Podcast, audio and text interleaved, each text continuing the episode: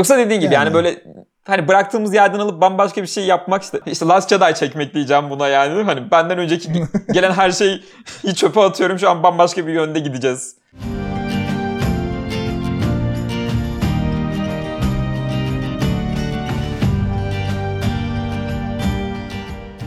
Ben Zafer. Ben Barış. Ejder ve Ejderha Alt Kültür Podcast'ine hoş geldiniz. Ne haber abi? İyidir abi senden. Ne olsun ya. Dün kendi Spelljammer deneyimimi yaşadım biraz daha kendi grubumda. Böyle giflerle tanıştılar. Barut kullanan hipopotam adamlar. bir noktada savaşta hani böyle bir uzayın ortasında böyle şahi topuna kadar büyük bir topa sahip bir geminin üstünde fey bir T-Rex hipopotam adamlarla savaşıyordu ve bir yerde böyle bir ateş duvarı vardı falan gibi hani tam olarak Spelljammer manyaklığını hissettirdim sanırım oyuncularıma. O yüzden gayet memnunum ben. Güzel olmuş. Böyle bir şey işte ya hani high magic işte high concept işte fantezi dünyası olayının böyle gerçekten şey hani ucunda yaşamak. Second Edition kitabını mı kullanıyorsun? Onu mu temel alıyorsun? Ee, yok şöyle hani 5E'nin kendi gemi kuralları var zaten Ghost of Saltmarsh'tan. Ama onları da bıraktım. Hatta başka bir gemi kuralları yapacaktım. Sonra oyuncular oyunculuğunu yapıp herhangi bir şekilde planlarımın beklemediği şekilde gittiler. Direkt işte GIF gemisinin üstünde ışınlandılar ve o yüzden normal combat encounter oldu. hani ben okay. normalde işte böyle gemiler yavaş yavaş birbirine yaklaşır işte silahların ne tarafta ha. durduğu önemli olur falan diye beklerken ışınlanıp dalıyoruz. Muhabbet oldu bir anda. şey üzücü ya işte bu FRP oynatırken şey var işte böyle bir hazırlık listesi var ve hani bunun böyle çok küçük bir kısmı işe yarıyor yani. Evet. Tamam ileride bir gün bunlar belki lazım olur. Yani en azından kuralları biraz daha düşünmüş oldum bu mazerette. İleride bir gemi şey yapacak olursam. Zaten yani Wizards of the Coast sağ olsun hep benim işime yarayacak şeyler çıkartıyor. Bu hafta tekrar Dragonlance içeriğini şöyle bir gözden geçirdikleri Unearthed Arcana çıkardılar. Yine ha, playtest evet. dokümanları. Onu gördüm. Kender'den galiba şey hatta Margaret West'ten gördüm direkt Facebook'ta. Hani bu sefer düzgün yapmışlar işte o büyülü olayını kaldırmışlar diye seviniyorlardı. evet evet. Yani Margaret Weiss bayağı mutsuzdu benim gördüğüm. Yani benim Kender'lerim büyülü yapmışlar falan diye. Kenderler biraz daha işte yine kültürel özellik eklememişler ama biraz daha ilginç olabilecek özelliklerini eklemişler. O açıdan güzel olmuş. Asıl şey olayı bayağı iyi olmuş. Artık backgroundlar fit de verebiliyor seçenek olarak. Ha güzel. İşte Solamnia Şövalyesiysen alabildiğin spesifik fitler var. Bunlar bayağı iyi olmuş hani yakın dövüş martial karakterler için. Diğer sınıflar için de şöyle bir açıklama yapmışlar. Hani Dragonlance dünyası çok işte zorlu bir dünya. O yüzden burada hayatta kalmak kolay değil. Background'unuza göre ekstra bir feat seçin mutlaka birinci level'da ve dördüncü level'da. Background'unuz ne olursa olsun. O şekilde bence birazdan da işte bir 2024'te e, gelecek 5.5'ta ekleyecekleri özelliklerin bir ön gösterimini yapmışlar gibi olmuş. Anladım. Bu feat'ler peki şey mi? Hani halihazırdaki feat listesinin üzerine bunu da alabiliyorsun. Hani seçenek olarak bunlar var gibi mi yoksa ekstradan havadan feat mi geliyor? Background'da ekstradan feat geliyor. İşte level 1'de ekstra feat geliyor, level 4'te ekstra feat geliyor. Ha direkt ekstra geliyor tamam. Ama hangi feat'ler oldukları şey seçeneğe bağlı biraz da işte. Hani eğer Solamnia şövalyesinden orada çok spesifik alabileceğin belli feat'ler var. Ya da işte cübbeli büyücüysen Dragonlance'daki klasik işte beyaz kırmızı ıı, siyah, siyah muhabbetinden. Onlarda da alignment gerekliliğini kaldırmışlar ama. İyi bir siyah büyücü olabiliyorsun. Bu dediğim ne kadar içine acıtacak onu yüz ifadende görmeye çalıştım ama.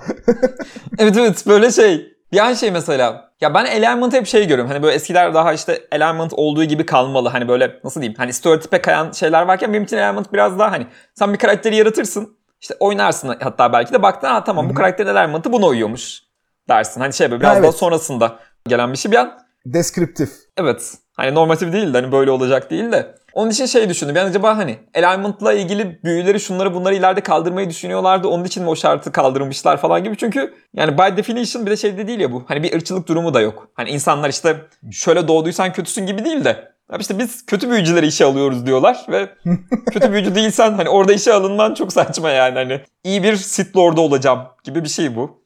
Irk yönüne şeyden kayabiliyor sanırım işte hani alignment'ın keskin olmasının yanına bir de şey eklersen işte şu ırklar her zaman şu alignment'tır dersen o çok bariz bir hani ırk tartışmasına giriyor ama. Ha, evet evet o öyle ama işte buradaki biraz daha şey hani hani doğuştan gele, gelen değil de senin seçtiğin bir özellik olduğu için işte hani ne tür bir büyücü olacağın. Orada öyle bir sıkıntı da yok. Onun için garipsedim.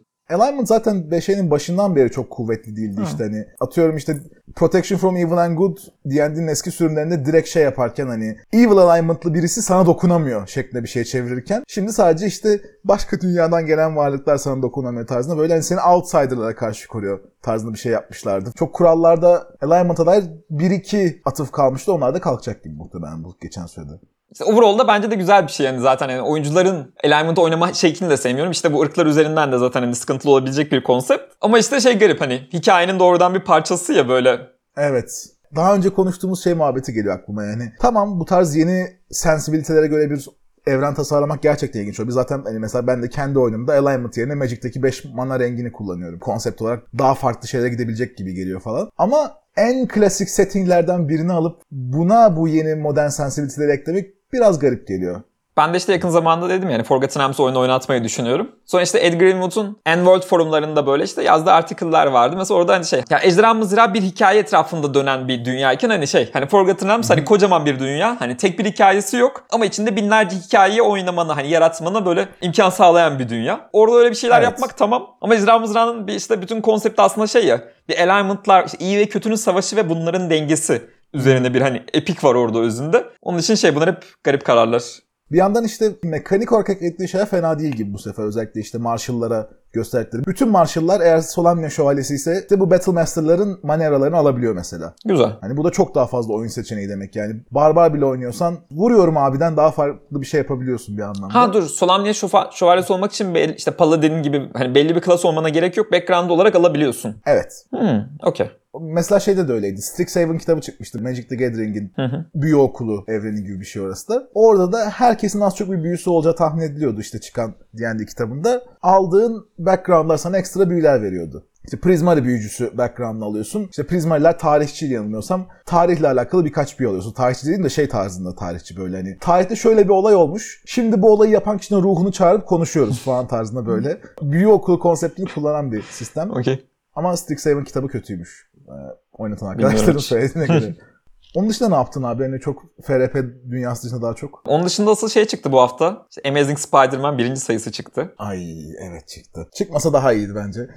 Ya o kadar da kötü değil. Bu sabah tekrardan okudum hatta. Ya şey var. Önce bir dinleyenleri hızlıca bir özet. Nick Spencer'ın yazdığı bir 75 sayılık çok uzun bir Örümcek Adam dönemi vardı. Ve bu dönem iyi başlasa da sonlara doğru çok kötüydü. O bitti. Sonrasında biraz daha karakter dinlensin gibisinden işte şey bir 19 sayılık Beyond dönemi başladı. Hani senin de tam okumaya girdiğin yer. Orada işte hani Ben Reilly üzerinden bir hikaye gördük. O da kötü bitti aslında. Hani o konuda da hiç savunamam. Bayağı sonu kötü bitti. Şimdi bu sefer tekrardan hani bir etiketiyle çıktı. Önce kötü şeyi söyleyeyim. Spoiler spesifiğine girmeden Peter yine travma konga line'ından geçmiş ve hani yine her şey kötü gidiyor hayatında.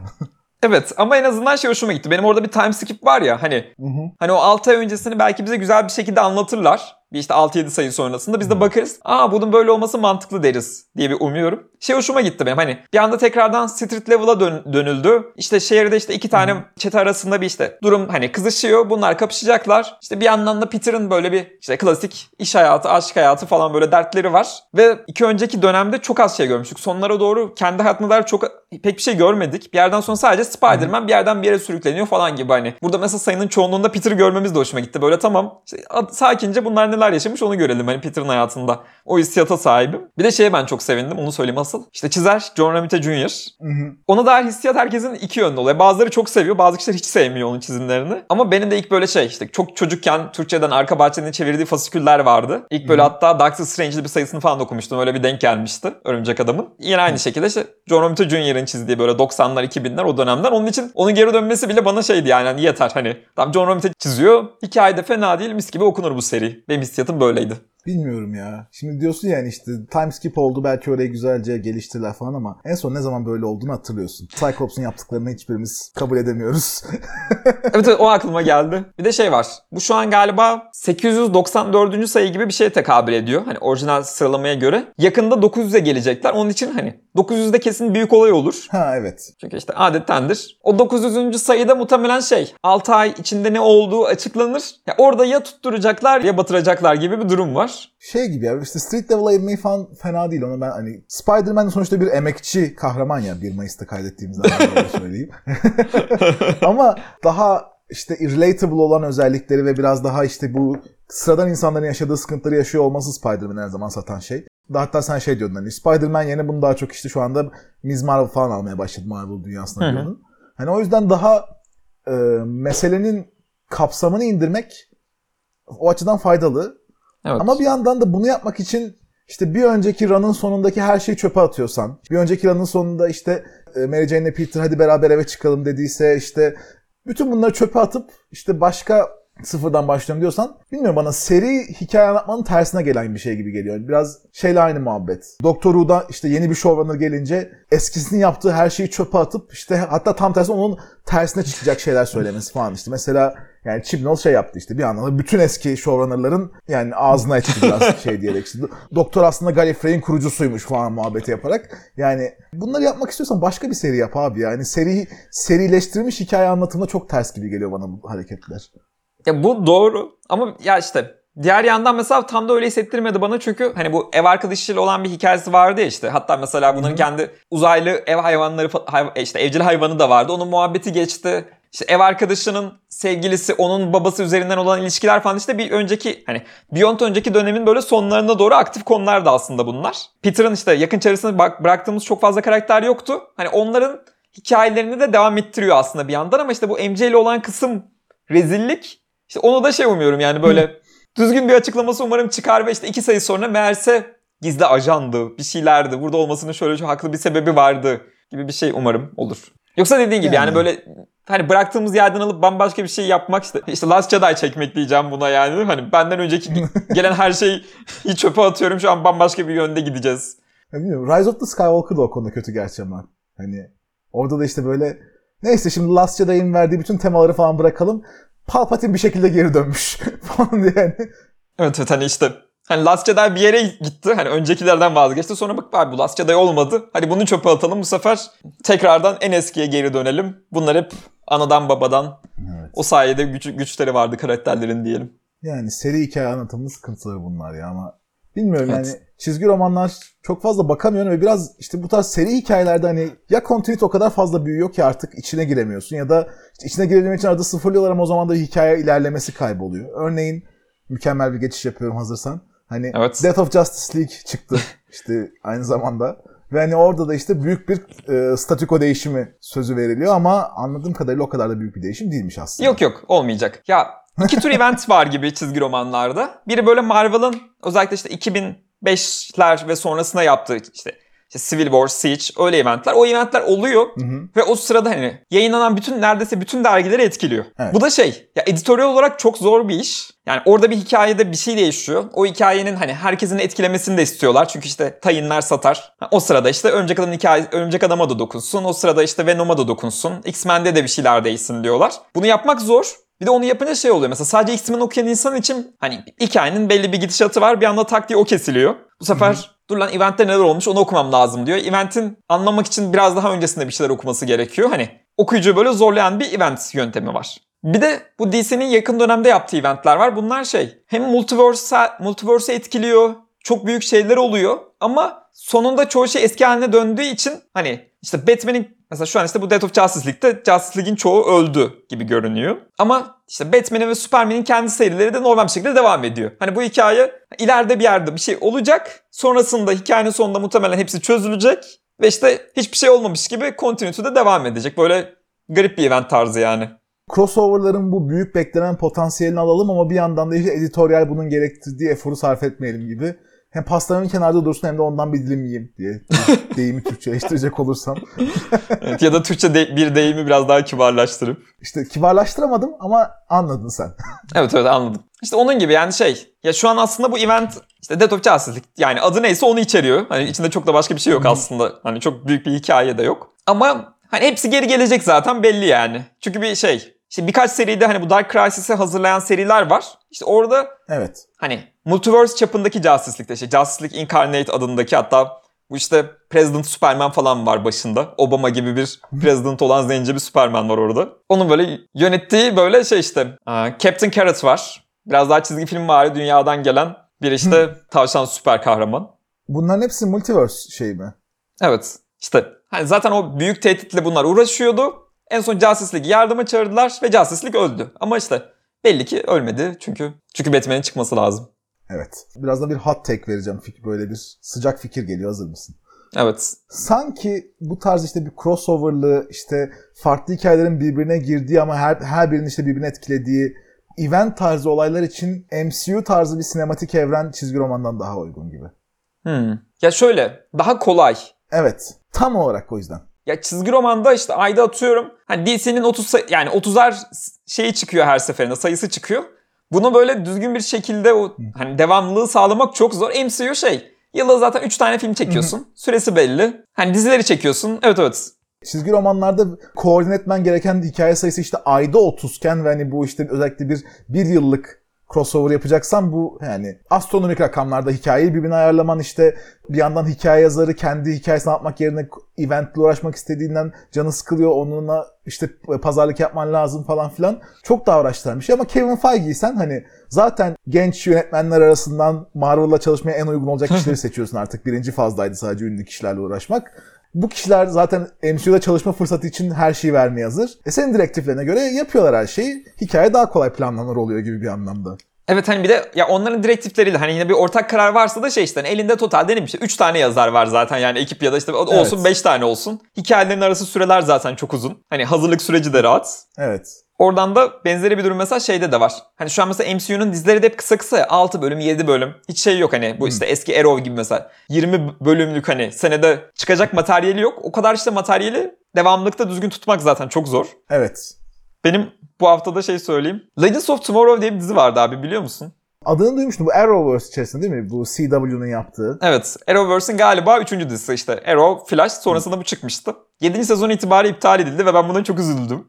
Ha. Ve şey böyle final falan yaptırmadan direkt mi iptal ettiler? Ya her sezon yani şey evet bir devamını çekme niyetleri vardı. Hani en son hatta işte Booster Gold geldi. Böyle çizgi romanlarda eğlenceli böyle bir time traveler karakter. Onunla hikaye devam edecek gibi de edemedi. Mesela o dizi de işte yani bu Arrowverse'ün çoğunluğu da aslında çizgi romanlara daha çok benziyor. Çünkü senede çok fazla bölüm çıkıyor. Onlar arasında işte kaliteli düzgün devamlılık işi zor. İşte kaliteyi sağlamak zor. Beceremiyorlardı. Genel olarak çoğu dandik zaten.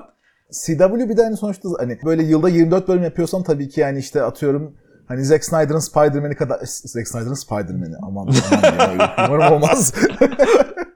Çok dark oldu bir anda böyle gerçekten.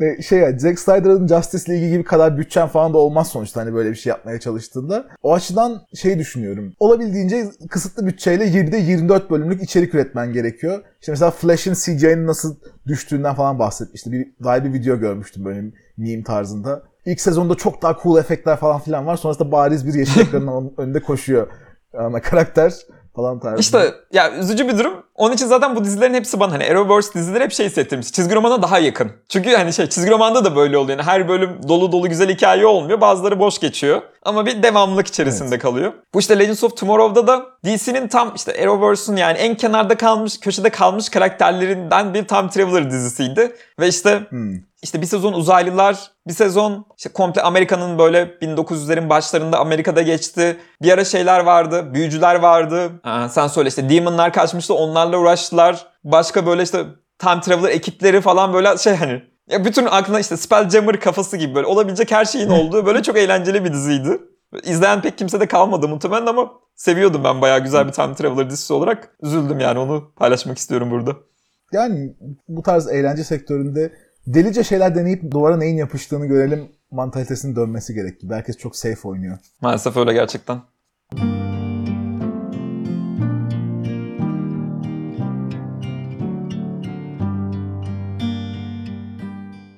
Öyleyse biraz daha dosya konumuza geçelim mi abi?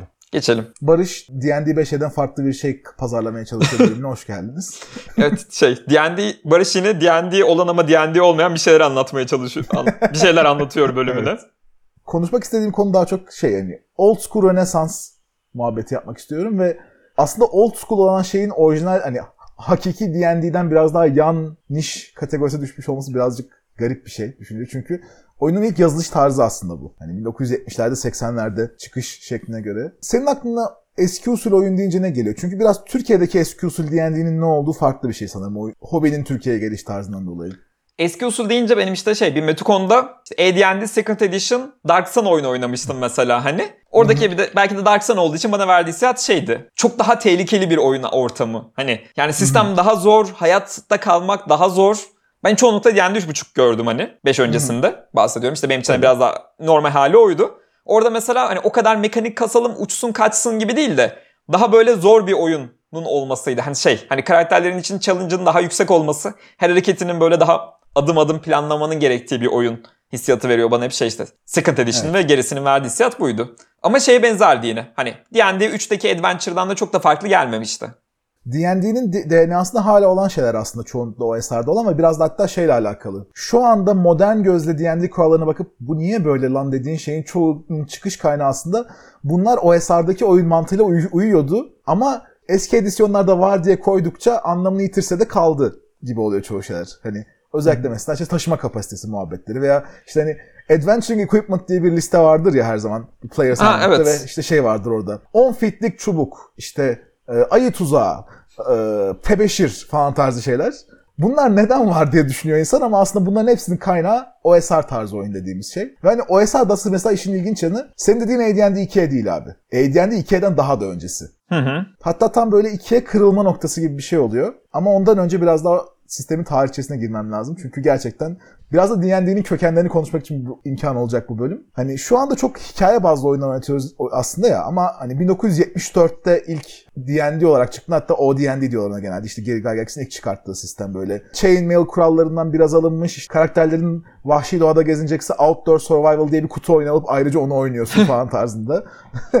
Şey muhabbeti bile hatırlıyorum mesela. Hani elflerin bu uyku değil de işte farklı bir durumu var var ya hani onun bile Transa böyle şey giriyor, işte evet. evet. Onun böyle chainmail'daki falan böyle bir kuraldan mıydı? Böyle hani elflerle ilgili bazı kuralların chainmail'den kaldığı muhabbetini hatırlıyorum ya da bazı silahlara proficiency olması da olabilir. Böyle bir şeyler kalmış aklımda.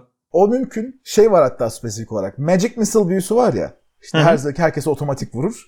Magic Missile büyüsünün adının, adının Magic Missile olmasının sebebi bunun baz alındığı şey işte büyülü savaş oyunu olan Chainmail'da büyücü karakterler büyülü topçu birliği gibi görüyorlar işte modern şeyler sayarak. O yüzden Magic Missile atıyorlar.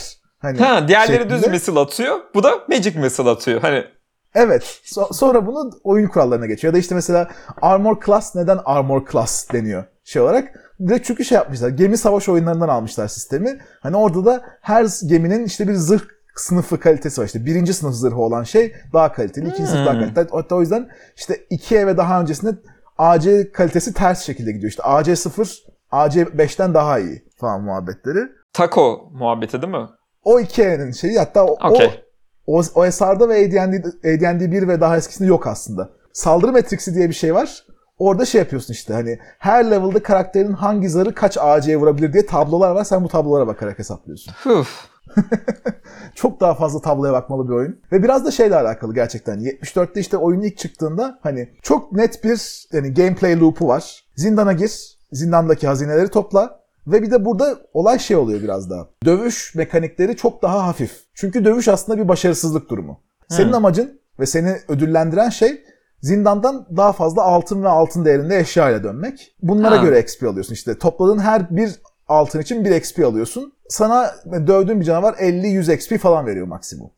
Okey biraz daha şey aslında yani. Dungeon Crawler kutu oyunu gibi birazdan. Gibi hani kutu oyununa çok daha yakın aslında ruh olarak. Çünkü işte hani zindanı geziyorsun. Zindandan çıktığında işte outdoor survival oynayıp kasabaya dönmeye çalışıyorsun. Kasabada bunları satıyorsun. Sonra başka bir zindanın e, söylentilerini duyup oraya gidiyorsun. Hani hep bu tarzda oynuyor herkes, daha çok insanlar. Ama roleplay'de var bir yandan. İşte özellikle Dave Arnas'ın, e, Gary Gygax'in yanında D&D'nin genelde unutulan ikinci yaratıcısı. Çok daha böyle işte roleplay temalı bir şey oynatıyormuş. Ve hatta ilk FRP'nin olarak onun işte Blackmore Kalesi olduğu söylenir falan. Hani böyle Hı hı. o- oynanan bir şey. Daha sonrasında yavaş yavaş TSR'ın kendi yayınladığı modüller değişmeye başlıyor ve bundaki en büyük değişimi e, haberler kısmındaki muhabbete girecek olsak Dragonlance yapıyor. Şimdi Dragonlance Hı hı. ilk defa böyle bir hani burada bir zindan var size bu zindanın içeriğini anlatıyoruz ve siz kendi evrenize bunu yerleştirip oynayın değil de burada bir hikaye var siz bu hikayeyi oynatın. İşte Adventure Path dediğimiz macera kitabı konseptin ilk çıktığı yer aslında Dragonlance. Wow. Bu da o zaman şey biraz daha haklı getiriyor. İşte işte Dragonlance'a dair bazı şeyler işte çok klişe işte hep aynı muhabbetlere bildiğimiz şeyler gibi hissiyatlar var ya aslında şey çoğu klişenin başladığı yer yani çünkü onlar başlatmış gibi. Aynen aynen aynen. Öyle olduğu için de biraz daha işte Dragonlance'den sonra gittikçe böyle hani gezmelik zindan tarzında modüllerin sayısı azalmaya başlıyor. İşte daha farklı hikayeler çıkıyor. AD&D 2'ye geldiğinde çok daha fazla oyunun kuralları da çok değişmiyor aslında. Hani 1'e ile 2'ye birbirleriyle çok uyumlu şeyler sayılır. Ama Hı hı. Çoğu girenin işte bu zindan gezme temalı şeyini hissettiren kurallar opsiyonel kurallara dönüyor. Hani işte artık canavarlar daha fazla XP veriyor o yüzden canavarlara daha fazla savaşmak istiyorsun. Ha, oyunun odağını biraz daha değiştirmişler yani. Evet evet hani Ikea aslında böyle hani fark ettirmeden oyunun odağının böyle işte bu eski usul oyun tarzından günümüzün atası olan oyun hikaye tarzı oyuna dönüş noktası bir anlamda. Bu campaign settingler falan da biraz daha o dönemde çıkıyor değil mi? Hani Ikea döneminde campaign settinglerin çoğu da. Aynen aynen hani işte yani 1E'de şey var. Forgotten Realms 1E'nin sonuna doğru çıkıyor. İşte Greyhawk zaten Gary Gygax'in kendi dünyası. İşte Dragonlance çıkıyor falan filan. Ama 2E'den sonra bir anda TSR çok daha fazla yeni evren çıkartalım. İşte Dark Sun'dır, işte Planescape'tir, Spelljammer'dır. Bunların hepsi 2E ile beraber çıkan evrenler. Yani hatta biraz da TSR'ın çöküşünde onun etkisi olduğu söyleniyor yani. O kadar fazla farklı evren çıkartıyorlar ki fanlar bu dünyalar arasında bölünüyor.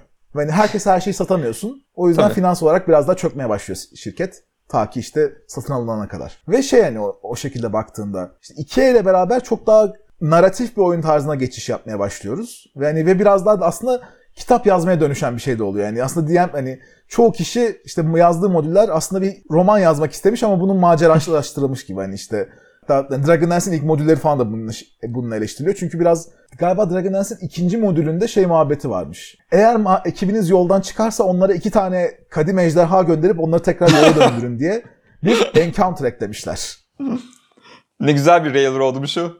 E, bayağı ağır railroad yani böyle tren bayağı gidiyor yani. Ve işte şey oluyor yani biraz daha bu şekilde oyun 2 ile beraber değişiyor ancak hani eski oyun tarzı biraz da unutulmaya yüz tutmuşken 2000 yılında bir şey değişiyor. O da yine Level Up'ta da bahsettiğim açık oyun lisansı, Open Gaming License ve onun yarattığı işte sistem referans dokümanı. Bu sistem referans dokümanıyla bir anda şey olmaya başlıyor. İnsanlar fark ediyor ki bayağı işte D&D D&D yapan işte Armor Class gibi terimlerdir, işte Elf'tir, Fighter'dır, Wizard'dır.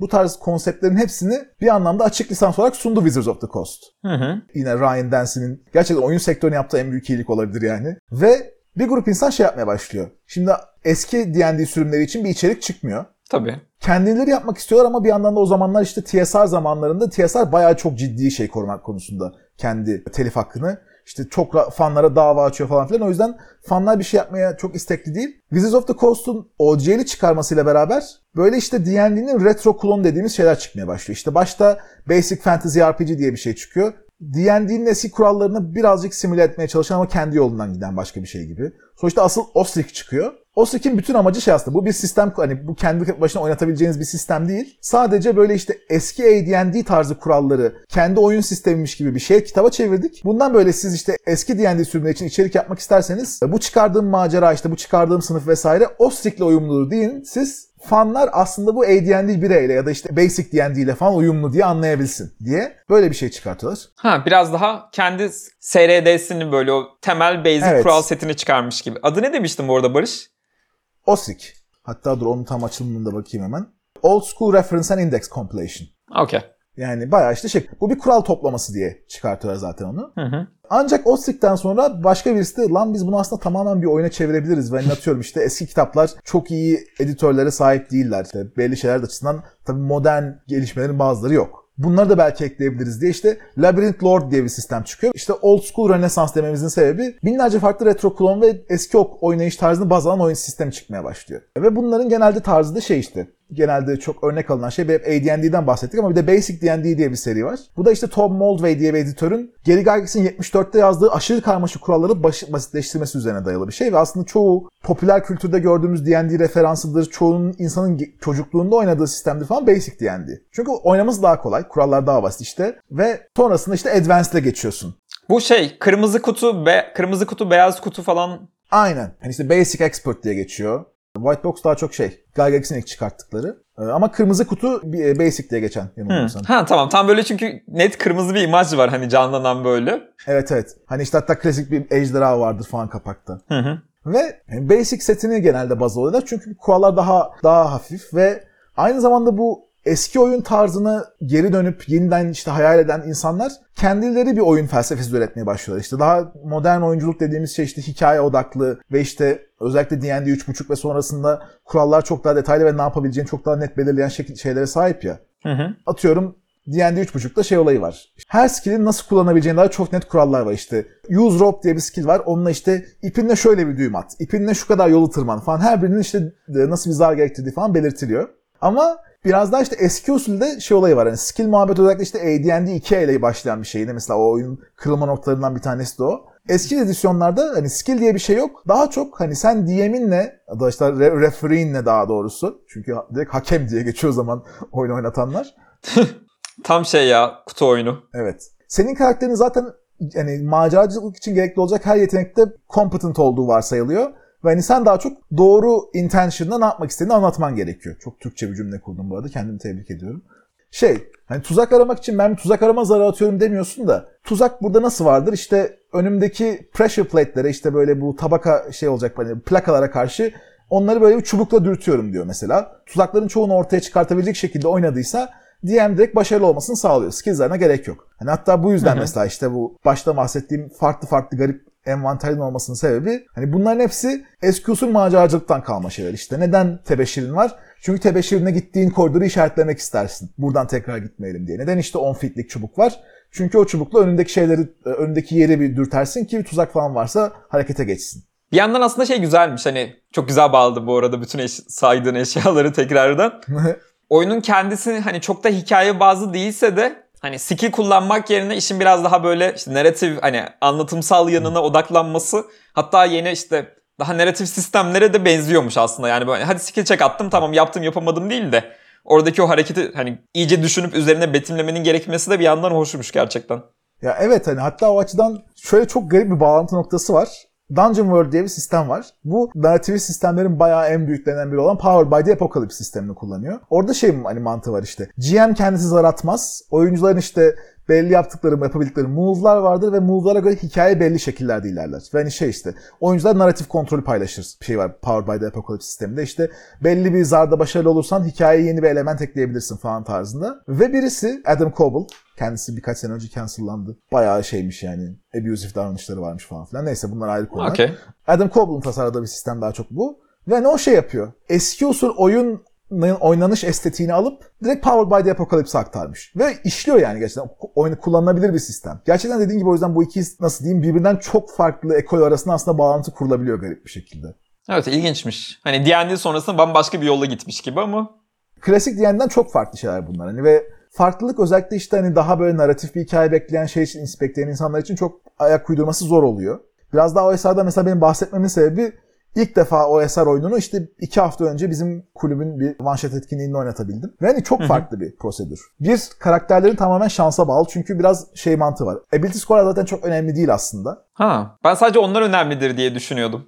Yok tam tersine hani Intelligence'ın 6 ise yine Wizard, oynay Wizard oynayabilirsin. Çünkü zaten işte saving throw'lar şey üzerinden gitmiyor. Ability score'lar üzerinden gitmiyor. Hani her, her sınıfın kendi saving throw progression'ı var ayrı. Daha farklı ondan ziyade. İşte skill diye bir şey yok zaten. Daha çok senin oyuncu olarak daha iyi düşünebilmen lazım. İşte kurallar daha hafif. DM'e net karmaşık kurallar vermek yerine sen buradaki duruma göre bir hani ruling yap. Sen burada bir hani şey anlık karar ver. Mantık Halledersin koçum.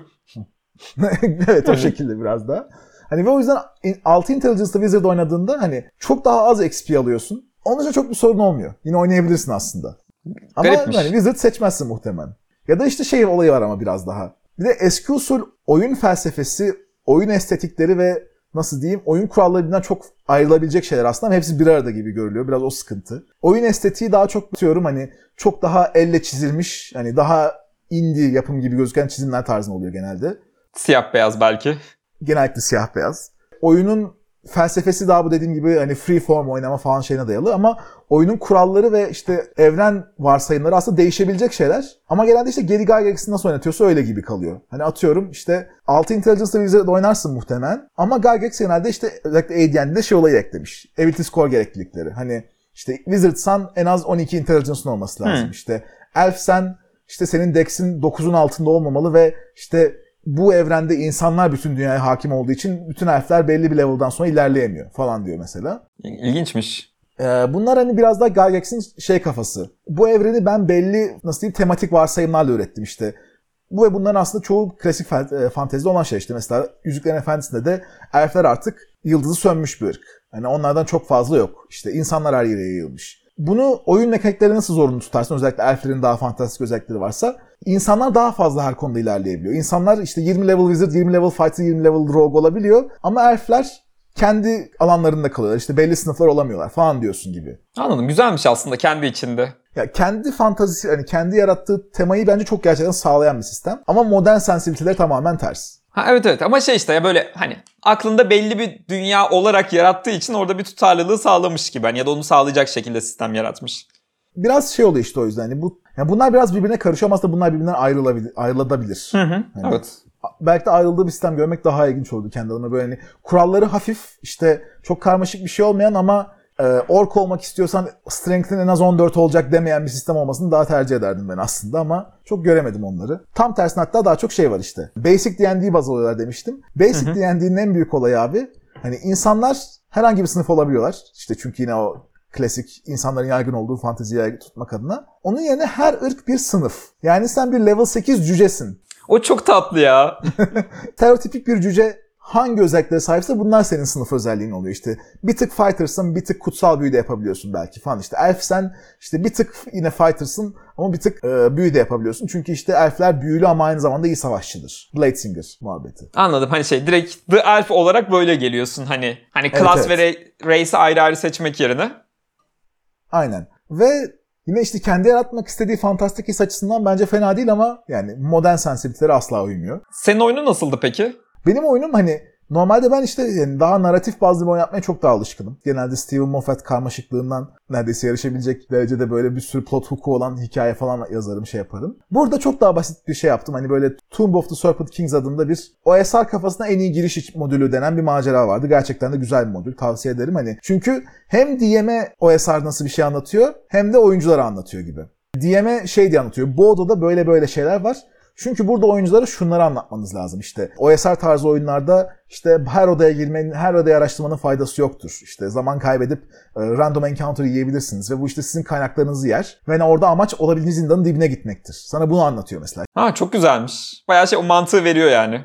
Ya da işte mesela zindanı öyle bir tasarlamışlar ki herhangi bir e, heykelin olduğu yerde mutlaka o heykelin arkasında bir gizli geçit ya da bir şey oluyor ve sana şey diyor bu da. DM'e ve oyunculara öğrettiği şey her zindanın kendi mantığı vardır.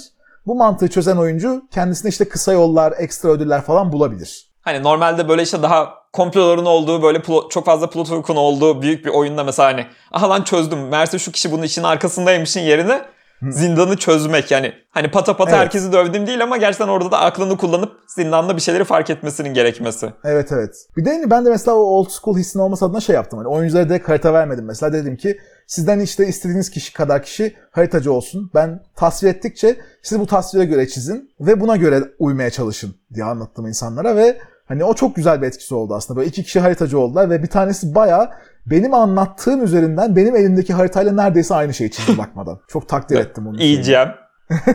iyi tasvir, iyi harita çizimi. Yani kendim de övmek gerekirse.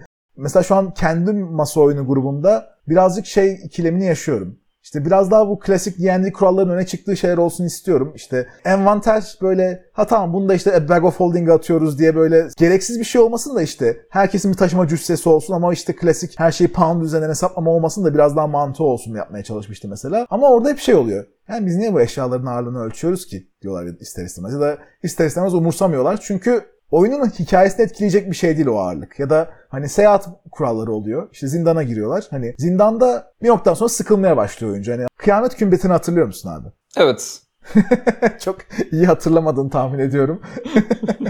Ee, dinleyicilere anlatmak adına. Kıyamet Kümbeti benim kendi 3 yıllık D&D 5'e kampanyamda Zafer'in de oyuncu olduğu ve bir noktada benim oraya yerleştirdiğim bir mega zindandı. Bu bayağı D&D Next'in playtest dokümanından çıkan bir şey. Doom Vault adında. Ve D&D Next zamanında işte oyun kuralları nasıl işliyor test etmek için koymuşlar falan. Ama sıkıntı şu. Mega zindan böyle farklı farklı her yerin kendi anahtarı ve o anahtarı buldukça zindanın farklı yerleri açılıyor.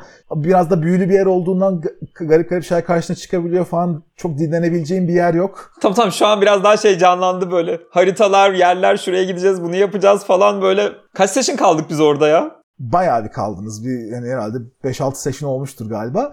Hani ve o 5-6 session hem benim adıma oynatması çok sıkıcıydı. Hem de sizin adınıza çok hani o işte rest almak istiyorsunuz ama zindanda çok fazla rest alacak yer yok, şey yok hani. Ve bu hani normal klasik narratif hikayeden buna geçince bir anda çok can canınızı sıktığını hatır görmüştüm orada ben hani. Evet evet hani şey ya hani hikayede ilerlemiyor hissi var yani bir yandan. Hani tamam burada bunları yapıyoruz ama ana hikayede de bir şey kazanmadık. Ve hatta o kadar can sıkıcı olmuştu ki bir noktada işte şey karşınıza zindanın içinde bir şey olan leşi çıkartıp sizi kovmuştu zindandan. Çünkü hani tam burada daha fazla hikaye ilerlemeyecek madem böyle şey olsun. Narratif bir climax'le olayı bitirelim o kafasına girmiştim biraz da ve hani kendi DM'liğimdeki kötü yaptığımı düşündüğüm şeylerin başında gelir kıyamet kümbeti.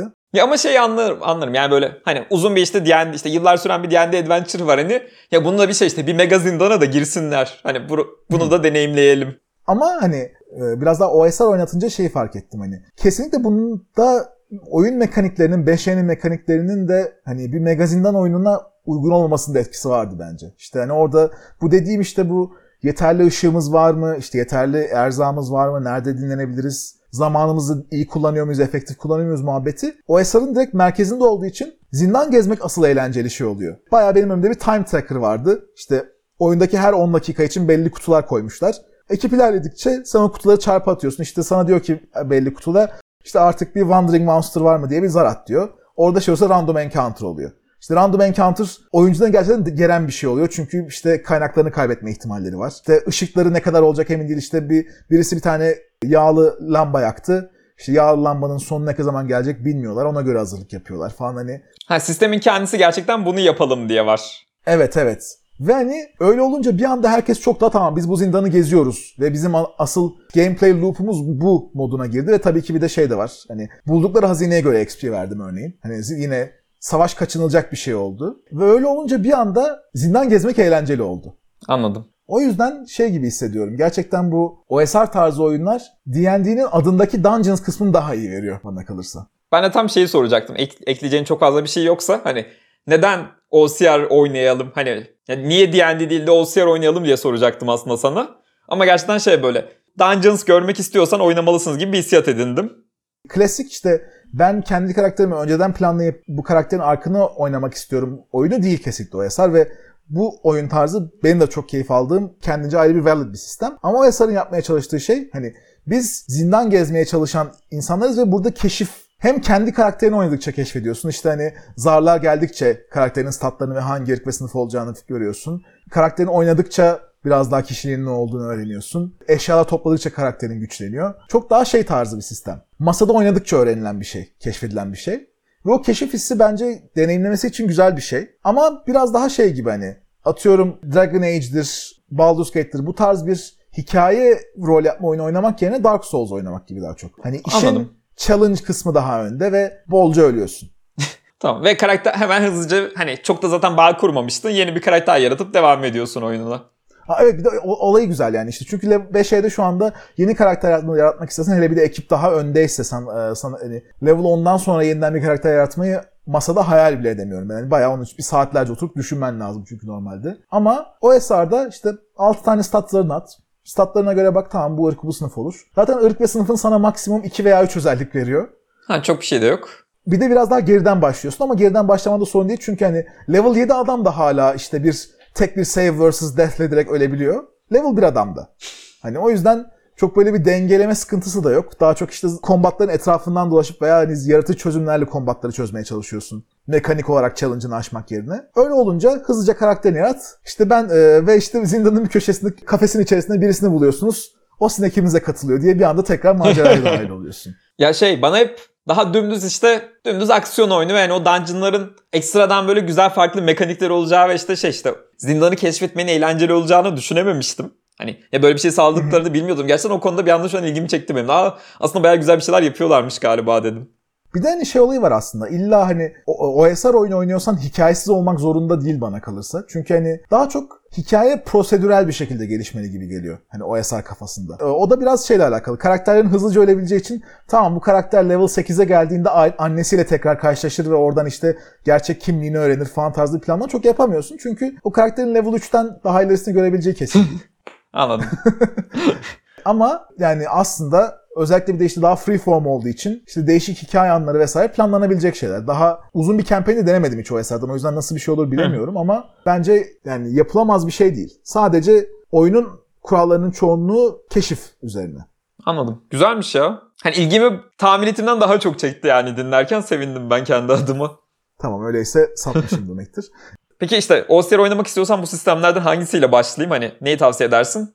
Şu ana kadar söylediklerinden hiçbirini tavsiye etmiyorum aslında. Çünkü işte Ostrix zaten daha çok hani oyun sisteminden çok bunu yapıştırıp işte kendi oyunlarınızı gizlice AD&D 1'e uyumlu olarak yapabilirsiniz şeyi, label'ı. İşte e, Basic Fantasy çok daha farklı yöne gidiyordu. İşte Castles and Crusades diye bir sistem çıkmıştı. O dene, onu denemek istiyorum aslında bir ara şey gibi daha çok. D&D 3 ve D- eski D&D'lerin karışımı gibi daha çok. İlginçmiş. Fena olmayabilir gibi geliyor. Adventure Conqueror King diye bir sistem vardı. Orada ben bayağı bir DM'lik için çok kullanıyordum. Şey diye işte çünkü aşırı detaylı işte şu hex'te şöyle bir krallık varsa bu, bu krallığın şu kadar yaşayanı vardır. Şöyle şöyle doğal kaynakları vardır falan diye kendi dünyanı yaratabiliyorsun biraz da. Ama sistemi tasarlayan literal neonazi çıktı. O yüzden hani Adventure Wow. Conqueror King'i kesinlikle önermiyorum. işte Labyrinth Lord biraz daha popülerdi. Dungeon Crawl Classics diye bir sistem vardı ama asıl şu anda hani OSR camiasının bir numarası durumunda olan Old School Essentials diye bir sistem çıktı. Ha. OSE diye. Hani Old School Essentials'ın güzel yanı yine D&D 3.5 ve 5'e gibi kendi SRD'si var. Hani ve orada basic D&D kurallarının neredeyse tamamen aynı ama modernleştirilmiş hallerini görebiliyorsunuz. İşte sen fighter ol ben magic user olayım tarzında kendi ekibini kurup işte level 14'e kadar oynayıp şey yapabiliyorsun. Gayet hikayeni devam ettirebiliyorsun. Ee, DM için tavsiyeler yine SRD içerisinde. Canavarların büyük bir kısmı SRD içerisinde. Bayağı legal, ücretsiz bir şekilde her şeyine ulaşabiliyoruz yani. Evet. Hani mesela benim yaptığım one shot'ta o e, Old School Essentials'daydı ve bayağı güzeldi. Bir de hani Old School Essentials direkt şey yapıyor yani es- eski D&D basic kurallarının ekstra homebrew eklemeden almış ve hani netleştirmiş. İşte kuralların tutarsız olduğu yerlere dair birkaç şey düzeltmiş belki ama onun dışında fazla bir şey eklememişler. Hani o yüzden eski bir modül alıp direkt de kullanabiliyorsun. Hani mesela ben bu one shot'ta ilk başta şey de düşündüm. Geri Gygax'in yazdığı ve D&D Basic setle beraber gelen 79'da çıkmış Caves of Chaos diye bir e, modül var. Çoğu insanın Amerika'da D&D ile ilk tanışması bu modülle. Çünkü D&D Basic setle beraber gelmiş. Ha, direkt o alan gelmiş. DM Caves of Chaos oynatıyor işte. Biz şimdiki Lost Minds of Phandelver gibi. Ve bunu mu oynatsam diye düşündüm. Ve oynatmak istesem o modülü alıp direkt Old School Essentials'da oynatabilirdim. Çünkü aynı kurallar. Hani o açıdan güzeldi.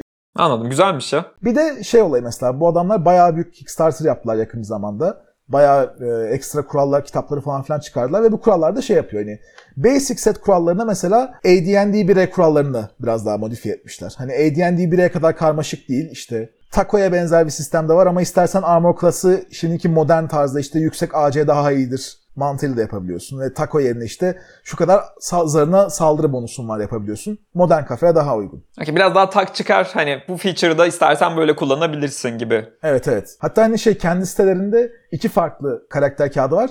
Birinde AC descending yani işte daha düşük AC daha iyi. Birinde ascending yani daha yüksek AC daha iyi.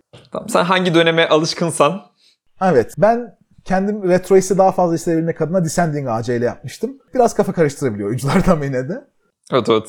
Ama onun dışında şey olayı var. Ee, Bir de işte Advanced Fantasy diye çıkarttıkları kitapta şey yapabiliyorsun bayağı yani işte AD&D tarzı elf artı istediğin herhangi bir sınıf kısıtlamalarını getirebiliyorsun. Yine çok modüler yapmışlar işte. İstersen yine bir elf sınıfı da oynayabilirsin. O zaman daha işte klasik Bladesinger tarzı bir stereotipik elf olursun. İstersen elf cleric oynayabilirsin. Ama işte kendi elf level limitleri falan filan vardır. İşte cleric'lerde atıyorum 7-8 üstüne çıkamıyor sanırım elfler. Çünkü yine işte insanların dengelenmesi lazım. Ya da bu sınıfları da tamamen kaldırıp işte elfler istedikleri sınıf olabilir, insanlar istedikleri sınıf olabilir, orklar istedikleri sınıf olabilir diyebiliyorsun. Okey, tamamen modüler bir şey vermişler yani. Evet evet. Bayağı modüler olmuş. O açıdan bayağı güzel sistemdi. Ee, o yüzden Old School Essentials bence bayağı denemeye değer yani. D&D 5'den sonra oy- oynatacağım ikinci sistem muhtemelen bu olurdu. Bir de çünkü oynatması da kolay yani. Herkes toplayıp 15 dakikada karakterleri yaratıp başlayabiliyorsun direkt. Tatlıymış ya. Dungeon'ın bir şeyi olması işte çözülebilir bir şey olması güzelmiş. Yani benim diyeceklerim bu kadar ve bunu da dedikten sonra podcast'in sonuna geldik. Ejder ve Ejderha podcast'ini dinlediniz. Dinlediğiniz için teşekkürler. Teşekkürler ve iyi günler dileriz.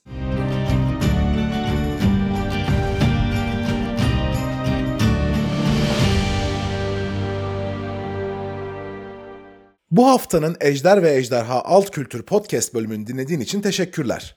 Podcast bölümlerimizi bir aksilik çıkmadığı sürece haftada bir yayınlıyoruz. Bölümler arasında bizi özlersen Twitter'da ve Instagram'da et Ejder ve Ejderha'ya hepsi birleşik yazabilirsin. Eğer bölümü beğendiysen favori podcast dinleme platformunda iyi bir not ve inceleme bırakmayı unutma. Bu bölümde konuştuğumuz konular hakkında detaylı bilgileri podcast notları bölümünde bulabilirsin. Haftaya görüşmek üzere.